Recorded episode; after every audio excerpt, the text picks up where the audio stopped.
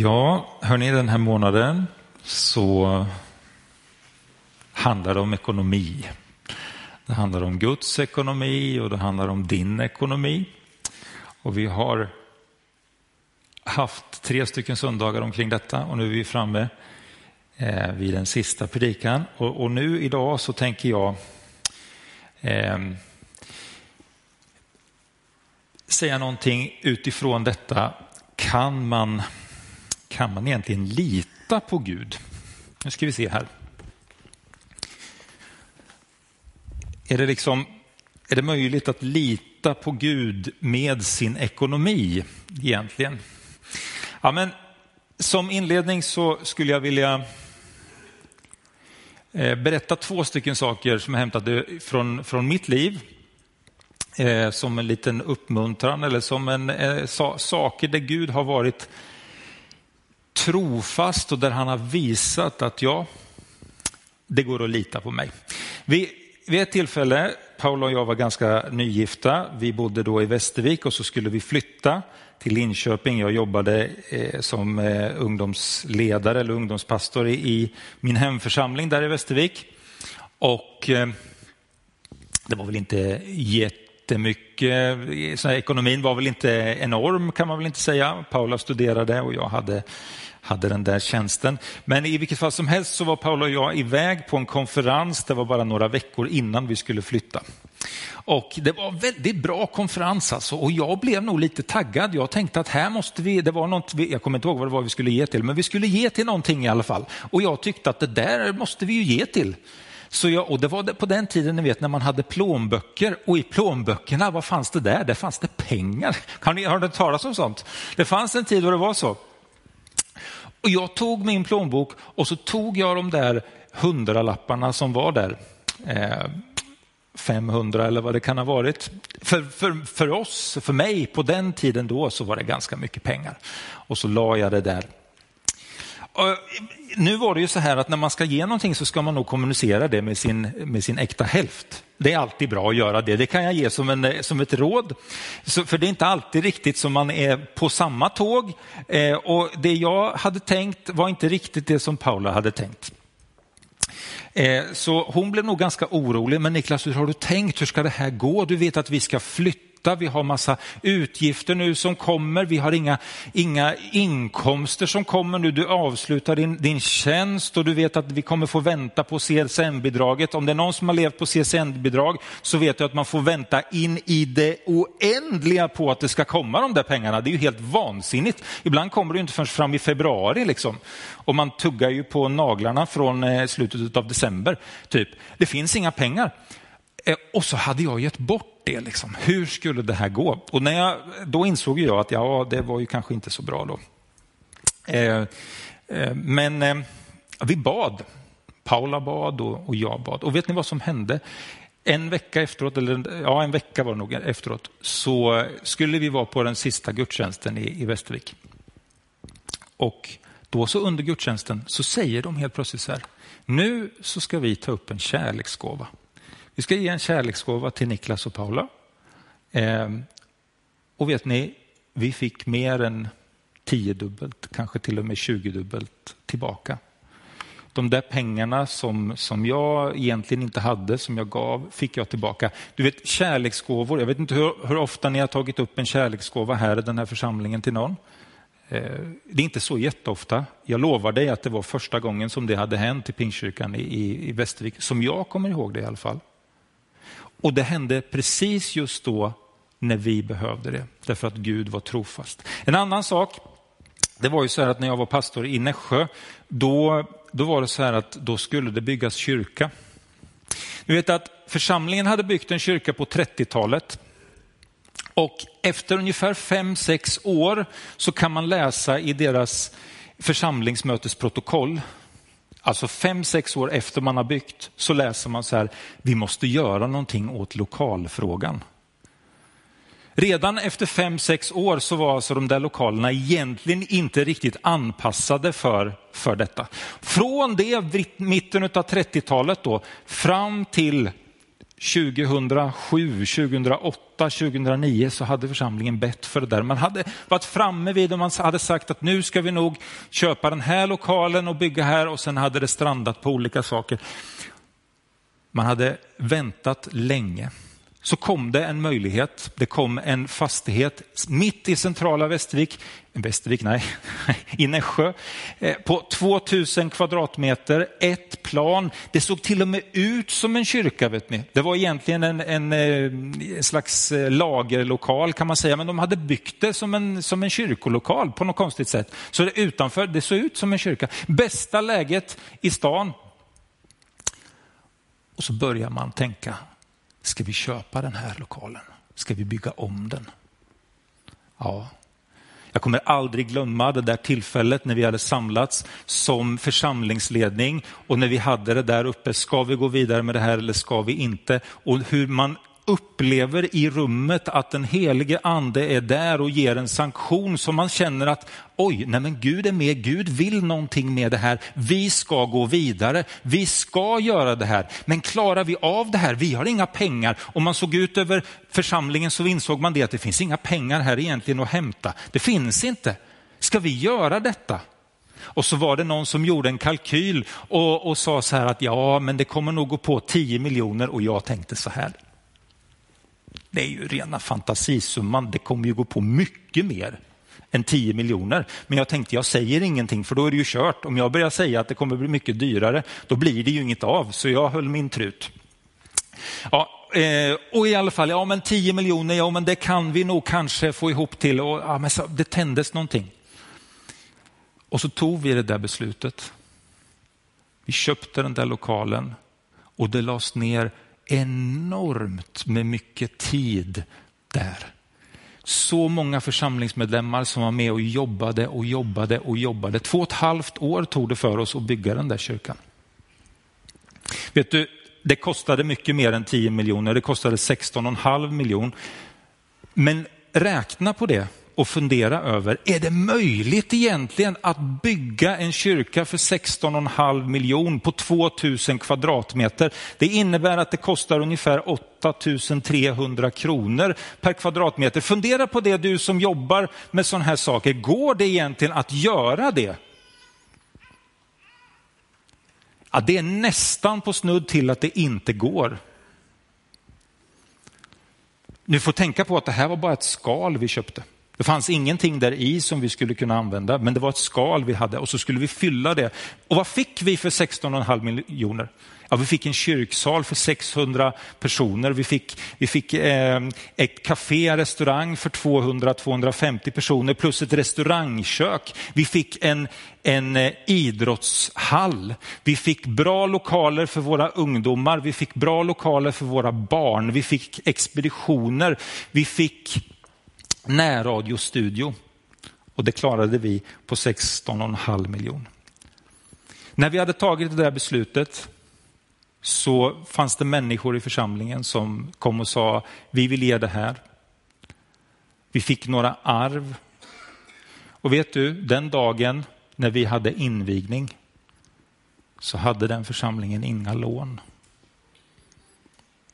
Därför att Gud hade varit med det fanns inga lån. Vi hade fått låna av oss själva för vi hade, vi hade en ganska stor pott när det gällde mission.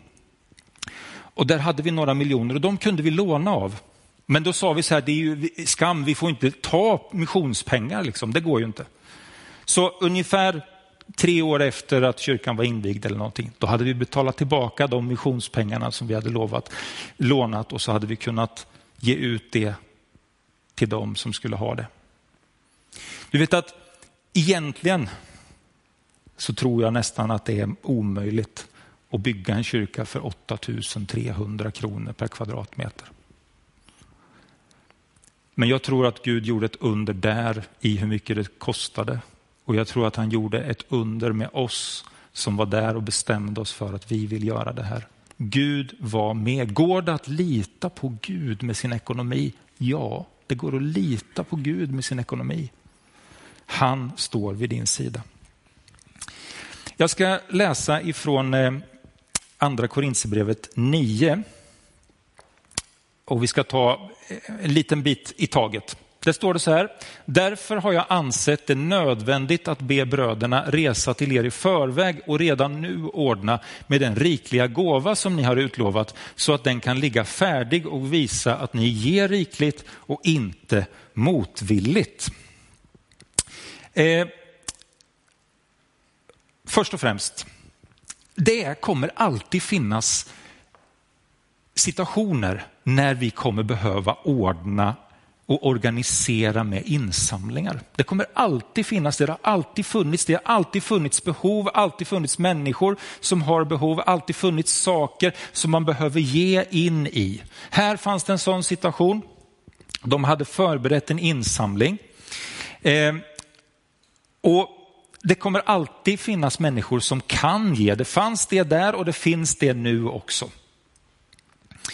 Och det som är viktigt att komma ihåg det är ju det att vi ger ju av det som vi faktiskt har. Vi ger inte av det som vi inte har utan vi ger av det vi har.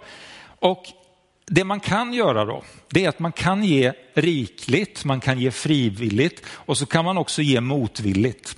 Det kan man. Men Gud vill inte att du och jag ska ge motvilligt, utan han önskar att du ska få uppleva att det är ett fritt val att ge. Det är, det är du som bestämmer. Det är du som, som ger på grund av att Gud uppmanar dig i ditt hjärta. Inte för att jag står och säger det eller för att någon annan står och säger det, utan för att Gud lägger ner det i ditt hjärta att du ska ge. Och då kan du ge med frimodighet och frikostigt. Eh, jag tror att det går att säga så här, det kommer alltid att finnas behov och att ge det är alltid ett fritt val för oss. Och Det är också så att det är bättre att faktiskt om man känner att det är tvång, då är det bättre att inte ge alls än att man ska ge. Därför att Gud vill inte att du ska vara pressad till någonting, utan han vill att du ska ge utifrån att du faktiskt vill ge tillbaka till honom någonting. Kom ihåg, den som sår snålt får en snål skörd och den som sår rikligt får en riklig skörd. Ja, men lagen om sådd och skörd, den kommer in här. Det är ju så, ju mer du sår, desto mer får du tillbaka. Om du sår väldigt lite eh, tomatfrön eller vad det nu kan vara, ni som klarar av att driva upp tomater, eh, då får man inte så många tomater. Men om man sår rikligt i många olika krukor och sådär, du vet, då växer det förhoppningsvis bra och så kommer det mycket frukt tillbaka. Vad du ger, det, är också, det handlar också om vad du kommer kunna få, få tillbaka. Eh, ibland man får höja ett litet varningens finger här, för ibland så hamnar vi kanske i att vi tänker att vi ska ge för att bli välsignade. Nu ska jag ge för att Gud ska välsigna mig. På ett sätt så är det sant, men välsignelse handlar aldrig om att Gud ska fylla dina fickor med pengar. Det är inte det som det handlar om. Men däremot så vill Gud välsigna det du har och du ger inte, jag ger inte, du ger inte för att vi ska bli rika, utan vi ger för att det är välsignat att ge. Jag tror att man kan säga så här och tänka så här, jag ger för det är välsignat av Gud. Alltså, jag ger inte för att bli välsignad, utan för att det är välsignat att ge. Och det är en ganska stor skillnad i det. Om du tänker, nu ska jag ge för jag ska ha någonting tillbaka. Eller om du tänker, om jag ger, då kommer jag vara välsignad. Och ger du av ett frivilligt hjärta, då ska du veta att Guds välsignelse vilar över ditt liv. För det har han lovat.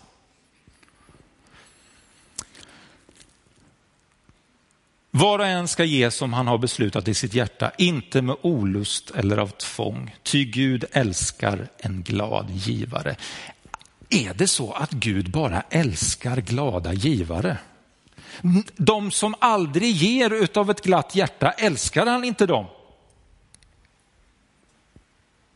Jo, det är klart att han gör. Klart att han älskar dem också. Men jag tror att det, det den här versen vill säga, det är det att Gud älskar att se vad som händer i en människa som ger utav glädje. Därför att det händer någonting med oss när vi faktiskt ger av glädje till andra och till Guds verk. Han älskar när han ser att du ger utav glädje och inte av tvång. Därf, varför? Jo, därför att det handlar om hjärtats gensvar till Gud. Du ger därför att Gud har gett dig någonting och därför att du vill ge tillbaka någonting. Därför älskar Gud den glade givaren. För att det har hänt någonting i hjärtat och Gud ser att någonting gott händer i ditt liv. Gud vill väcka någonting i ditt hjärta och då blir givandet en glädje.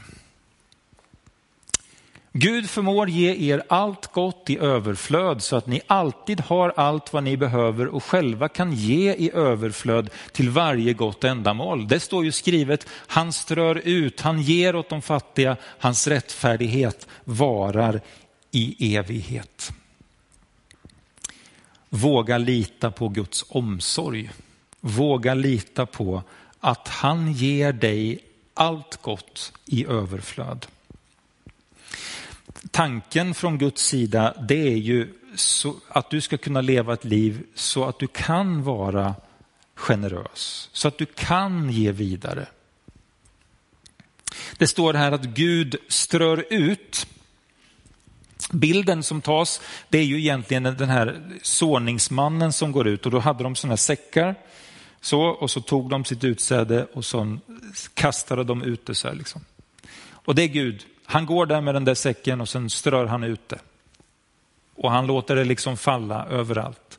Sån är Gud. Han, det är inte så att han mäter upp liksom och, och, så säger han så här mycket välsignelse ska vi ha där och så ska vi ha en liten skvätt där och så tar vi en liten skvätt där. Nej, han tar ett grabbatag i sin skördesäck och sen så kastar han ut det. Och så tar han ett till och så kastar han ut det. Och du vet att det tar aldrig slut för Guds resurser tar aldrig slut utan det finns alltid mer. Det kommer inte att sluta utan det finns alltid mer.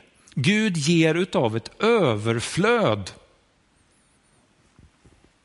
Se bara hur, hur världen är konstruerad. Tänk att det kan bo så mycket folk och så mycket djur och allt vad det nu är som lever här på vår planet. Och ändå finns det faktiskt mat till de flesta. Ja, sen vet vi att det finns situationer där människor lider utav, utav torka och hungersnöd och sådana saker. Men jorden klarar av att producera mat till alla. Det är bara det att resurser är snedfördelade. Det är bara det att det finns allt för många människor som inte har förstått välsignelsen i att ge. Det är det som är problemet. Inte att det inte finns tillräckligt. Inte att inte Gud har gett tillräckligt.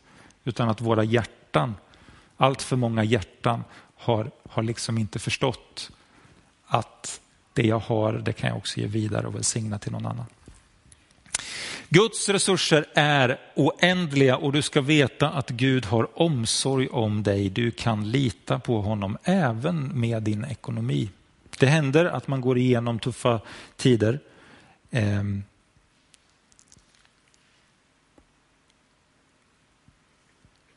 Och det är inte enkelt att göra det. Men du ska veta att Gud är med dig. Han som ger säd att så och bröd att äta, han ska ge er utsäde och mångdubbla det och låta er rättfärdighet ge god avkastning. Ni blir rika på allt och kan visa en gränslös frikostighet som framkallar tacksägelser till Gud när jag förmedlar gåvan. Alltså, att ge, det handlar inte bara om ekonomiska välsignelser eller ekonomiska resurser, utan här står det att vi blir rika på allt. Vad blir man egentligen rik på när man ger? Fundera på det lite. Vad blir man rik på när man ger? Jag tror att det finns många olika saker. Jag tror att man blir rik på Guds omsorg. Jag tror att man blir rik på Guds välsignelser. Jag tror att man blir rik på vänner. Jag tror att man blir rik på meningsfullhet. Jag ger till någonting för att det är meningsfullt. Och om jag känner att jag får ge någonting som är meningsfullt, då blir också mitt liv fyllt av meningsfullhet. Jag tror att livet blir fullt av glädje, för när man ger så ser man att människor blir välsignade och blir glada. Och jag tror också att ge handlar om att man blir fri från att vara pengarnas slav. Ni vet Gud, Jesus, han talar om att eh, det finns ett problem för oss. Gud och mammon. Mammon, den här guden som handlar om att vi vill ha och vi vill ha rikedomar. Den guden är ganska stark och vill, vill gärna hålla oss i sitt grepp. Men att då leva i ett, en motsatsrörelse där man ger, då hindrar man att man blir slav under pengarna. Nu ska jag gå in för landning. Eh, och bara påminna om det här, den här insamlingen med hjärta för Guds hus. Ehm, jag tror att det här är en eh, fantastiskt bra sak som vi har på gång här. Tälten på udden, konfa-undervisningen. Ni vet tälten, ni kan se det framför er ute på udden. Vi behöver verkligen dem. I somras så hade vi ja, mellan 20 och 35 barn varje gång som var med på Summer Church. Men tältet var ju alldeles för litet. Liksom. Vi behövde ju ett mycket större tält. Vi behöver det. Vi vill ju inte att det bara ska vara 25 barn utan vi tänker ju att nästa sommar kanske vi vill att det ska vara 50 barn som ska vara med. Eller hur? Ja, då måste vi ha då måste vi liksom ha förutsättningar för det. Vi behöver förutsättningar också för att kunna umgås lite lättare om det regnar eller om det är, ibland är det nästan lite för varmt. Va? Ni vet, ni har suttit där vid de där plattorna och det blir väldigt, väldigt varmt. Då behöver man ett skydd. Så vi har behovet av detta. Konfan, vi har ett behov av att fler ungdomar i den här stan, vi tänker när vi tänker konfa idag så är det ju så här att det handlar om våra egna ungdomar och det är ju jättebra. Det är ju fantastiskt. Det är välsignat. Och det ska vi fortsätta med. Men tänk om det inte bara skulle handla om våra 10-15 egna ungdomar som är i den åldern. Tänk om det också skulle handla om dina grannars barn. Tänk om det skulle handla om dina, dina barns vänner som är med. Så att vi har en konfagrupp här som är 30 stycken eller 40 stycken eller 50 stycken. Bara för att kunna så ut Jesus Kristus, ge mer av Jesus till barn och ungdomar här i den här stan. Jag tror att konfan är en nyckel för att kunna göra det. Därför vill vi samla in pengar till detta. Hörrni, eh, ni har fått sådana här lappar. Jag, jag Eh, vill bara ta chansen igen och säga det. Skriv gärna på redan idag och lämna in när, ni, när du går ut. Eh, det är gott att göra. Du vet att man glömmer snabbt. Man kan skriva två gånger också. Man kan skriva ett, en gång den här idag och sen kan man skriva en gång ytterligare nästa gång man tänkte att ah, nu gav jag nog lite för lite så kan man ju ge lite mer om man vill det eh, längre fram. Så ta den möjligheten att göra det redan idag. Det kanske är så att du inte kommer tillbaka och är här nästa söndag. Eh, eller också är du här nästa söndag och då kan du också lämna din lapp då. Eller kom ihåg att swisha. Du kan swisha på 123 180 53 24 och ge till detta och det kan du göra redan idag. Nu ska vi snart gå över till, till, att, eh, till förbön och möjlighet att, att få förbön.